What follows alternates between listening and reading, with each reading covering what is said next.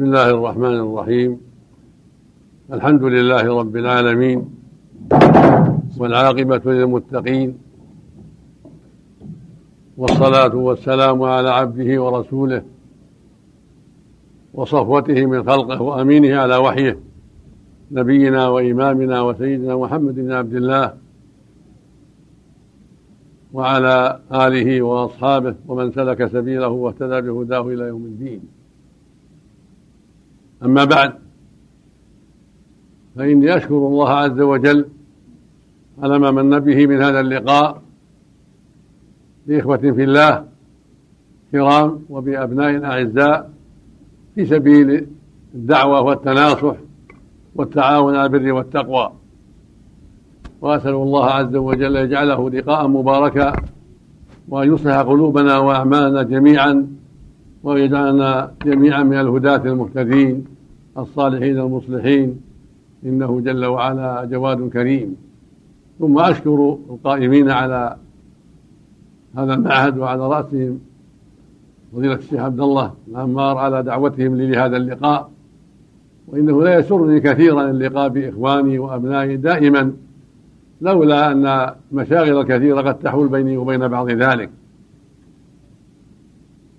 فأسأل الله جل وعلا أن يعيننا جميعا على كل ما فيه رضاه وأن يمنحنا الفقه في دينه والثبات عليه وأن ينصر دينه ويعلي كلمته وأن يوفقنا وإياكم جميعا للمزيد من العلم النافع والعمل الصالح وأن يوفق ولاة أمرنا لكل خير وأن يعينهم على كل خير وينصر بهم الحق ويصلح لهم البطانة ويجعلهم هداة مهتدين. كما أسأله سبحانه أن يصلح جميع المسلمين في كل مكان وأن يصلح ولاة أمرهم وأن يعينهم على تحكيم شريعته وإلزام الشعوب بها. فإنها والله طريق السعادة وسبيل النجاة للجميع في الدنيا والآخرة. أما كلمتي في هذه الليلة فعنوانها وجوب المحافظة على الصلاة وكفر من تركها. الصلوات الخمس هي عمود الإسلام لإجماع المسلمين وهي الركن الثاني من أركان الإسلام وهي أعظم الأركان بعد الشهادتين وقد ورد فيها من الآيات الكريمات والأحاديث الكثيرة الشيء الكثير لعظم شأنها وشدة الحاجة إلى المحافظة عليها والاستقامة عليها. وقد جاء عن عمر رضي الله عنه أنه قال من حفظها حفظ دينه ومن ضيعها فهو لما سواها أضيع. قال نافع رحمه الله مولى ابن عمر. كان عمر رضي الله عنه يكتب إلى عماله يعني إلى أمرائه ويقول لهم إن أهم أمركم عند الصلاة. فمن حفظها حفظ دينه ومن ضيعها فهو لما سواها أضيع.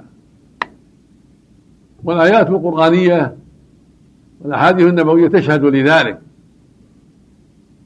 وقد ذكرها الله في مواضع كثيرة من كتابه العظيم تعظيما لشأنها وأمرا بإقامتها والمحافظة عليها وثناء على المقيمين لها والمحافظين. ومن ذلك قوله جل وعلا وأقيموا الصلاة وآتوا الزكاة واركعوا مع الراكعين. فأمر بإقامتها يعني أن تصلى كما شرع الله وأن تؤدى كما شرع الله قائمة كاملة وأن تؤدى مع المصلين واركعوا مع الراكعين يصلوا في الجماعة صلوها مع الناس. قال سبحانه في أول سورة البقرة ذلك كتاب لا ريب فيه هدى للمتقين. الذين يؤمنون بالغيب ويقيمون الصلاة. ومما رزقناهم ينفقون. فذكر إقامة الصلاة في أول هذه السورة.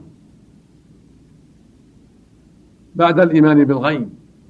فهي أعظم فريضة بعد توحيد الله والإيمان بما جاءت برسله.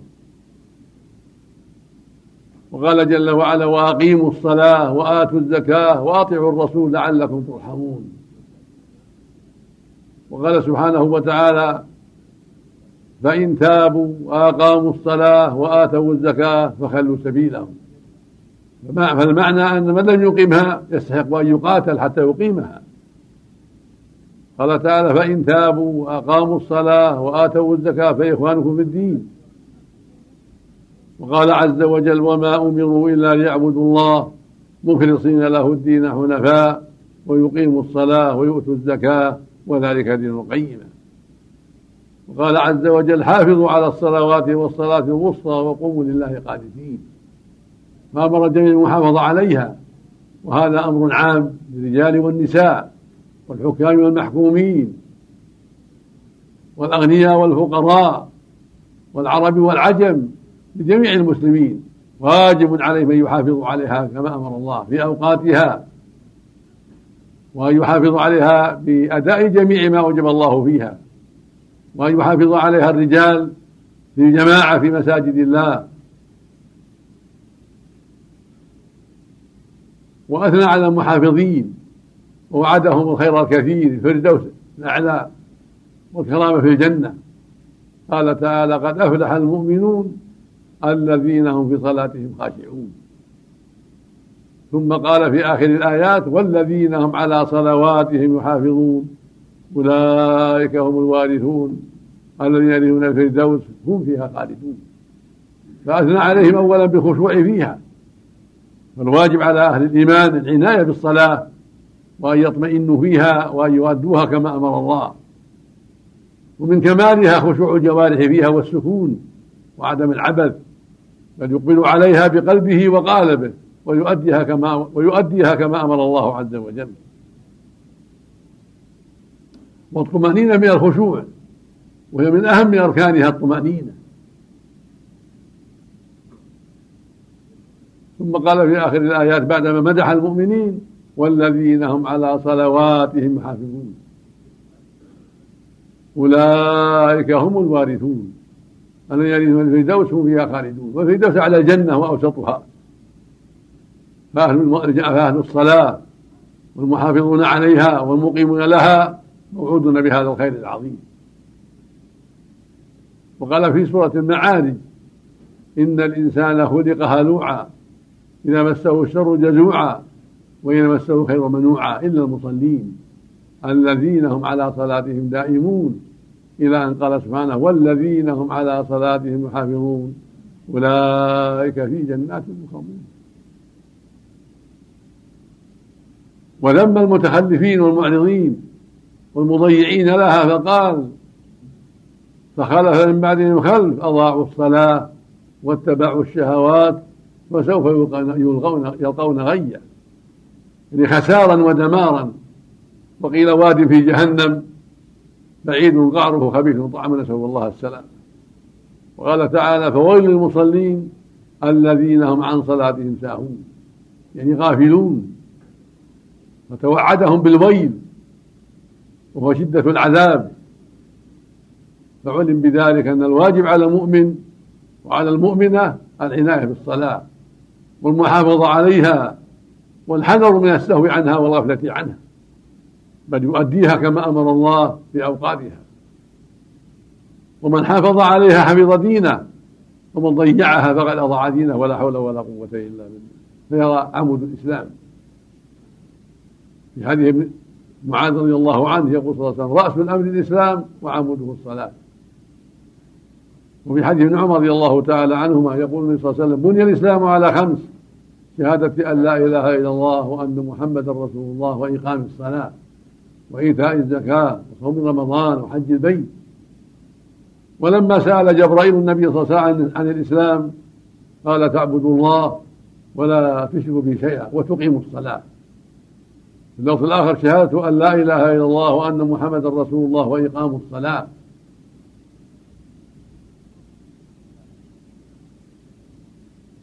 وفي حديث عبد الله بن عمرو الذي رواه الإمام أحمد بإسناد حسن عن النبي صلى الله عليه وسلم قال في الصلاة من حافظ عليها كانت له نورا وبرهانا ونجاة يوم القيامة. ومن لم يحافظ عليها لم يكن له نور ولا برهان ولا نجاة. وحشر يوم القيامة مع فرعون وهامان وقارون وأبي بن خلف نسأل الله العافية. يقول بعض أهل العلم في شرح هذا الحديث إنما يحشر مضيع الصلاة مع هؤلاء الكفرة الذين هم معروفون بالكفر والضلال وهم من صناديد الكفرة ومن مقدميهم إنما يحشر معهم من ضيعها لأنه إما أن يضيعها تشاغلا بالرياسة والملك فيكون شبيها بفرعون فيحشر معه يوم القيامة إلى النار نعوذ بالله من ذلك. وإما أن يضيعها بسبب الوزارة والوظيفة فيكون شبيها بهامان وزير فرعون. فيحشر معه يوم إلى النار يوم القيامة. وإما أن يضيعها بسبب الأموال والشهوات. فيكون شبيها بقارون الذي خسف الله به وبداره الأرض. لما شغله ماله وتكبر بسبب ماله حتى خسف الله به الأرض وبماله. فالمشبه به من أجل شهواته وكثرة ماله يحشر يحشر معه يوم القيامة. وإما أن يشتغل عنها بأسباب البيع والشراء والأعمال التجارية فيكون شبيها لأبي بن خلف تاجر أهل مكة فيحشر معه يوم القيامة إلى النار. نسأل الله العافية. فالواجب على كل مسلم وعلى كل مسلمة أن يحذر التشاغل عنها والإضاعة لها والتغافل عنها. وأن يستقيم على إقامتها كما أمر الله والمحافظة عليها كما أمر الله في أوقاتها وأن يؤديها مقامة كاملة تامة كما شرع الله عز وجل. وأن يتواصى مع إخوانه بذلك ويتناصى مع إخوانه بذلك فيعمد الإسلام. من حفظها حفظ دينه ومن أضاعها فقد أضاع دينه. وقد بني الناس اليوم إلا من رحم ربك بالتساهل بها إلا من رحم الله. وأضاعها الكثير من الناس وخف أمرها على كثير من الناس وهذا من البلاء العظيم والشد الكثير والمصيبة العظمى نسأل الله العافية. فيجب الحذر من التشبه بهؤلاء ويجب الإنكار على من فعل ذلك وبيان أن ذلك من الردة عن الإسلام نعوذ بالله. إضاعتها والتساهل بها وعدم فعلها ردة مع الإسلام في أصح قولي العلماء. فيجب الحذر والتحذير ويجب على الوالد مع أولاده وأهله العناية وعلى الزوج مع زوجته والزوجة مع زوجها وعلى كل إنسان مع إخوانه أن يلاحظ ذلك وأن يعتني بتعظيم الصلاة في قلوبهم وتحذيرهم من التهاون بها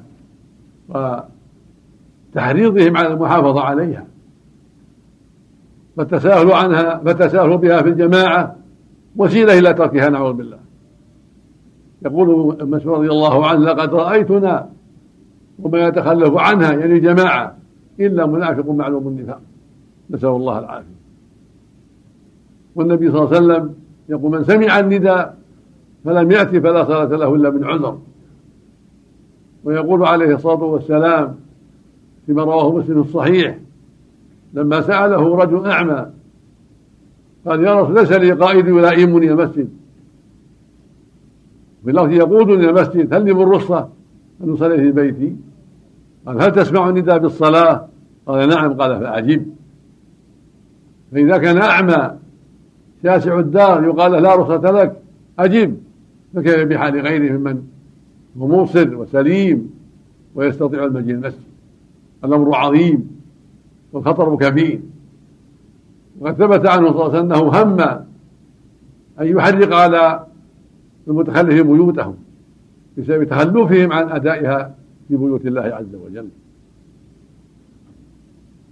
وقال عليه الصلاة والسلام العهد الذي بيننا وبينهم الصلاة فمن تركها فقد كفر. خرجه الإمام أحمد وأهل السنة بإسناد صحيح عن بريدة رضي الله عنه.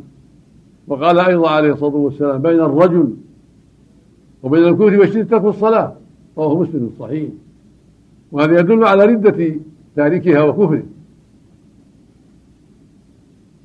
وأن يفرق بينه وبين زوجته المسلمة. وقال جماعة من العلم لا يكفر إلا بجحد وجوبها. وهذا قول مرجوح والأدلة دالة على كفره بتركها وإن لم يجحد وجوبها.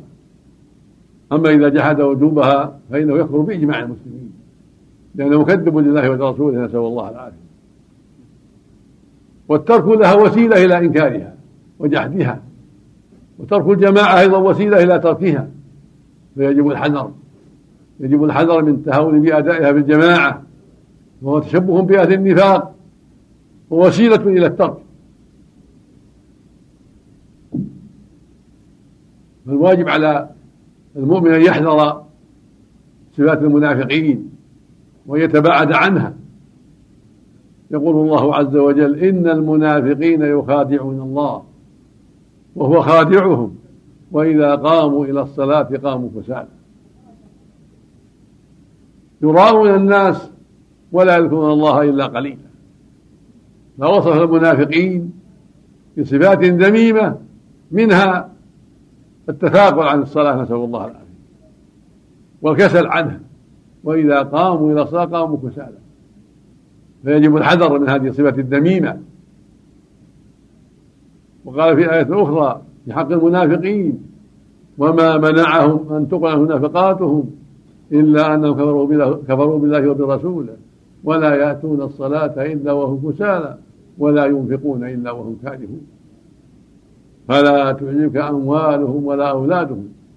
إنما يريد الله يعذبهم بها في الحياة الدنيا وتزهق أنفسهم وهم كافرون نسأل الله.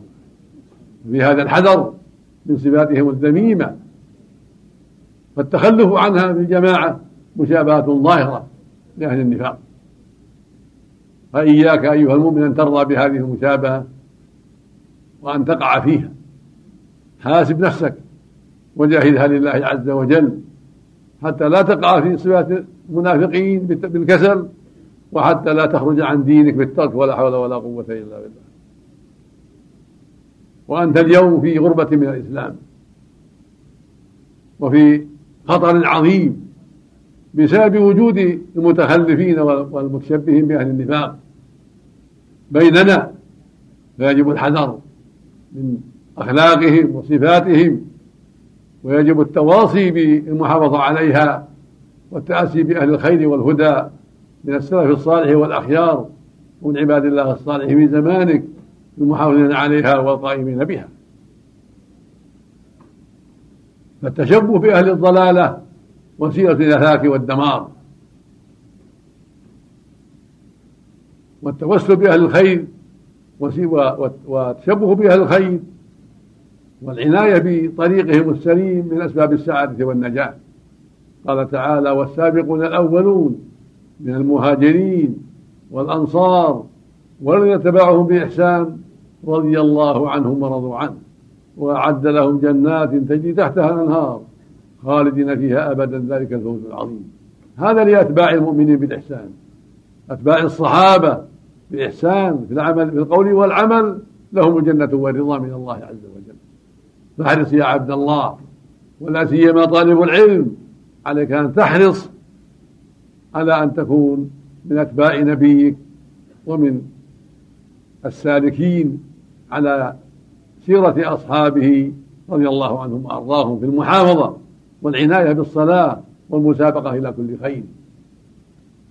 هو صلى الله عليه وسلم قدوة لكل خير ثم صحابته القدوة بعده في في الاستقامة على الهدى والدعوة إليه والحذر مما يخالفه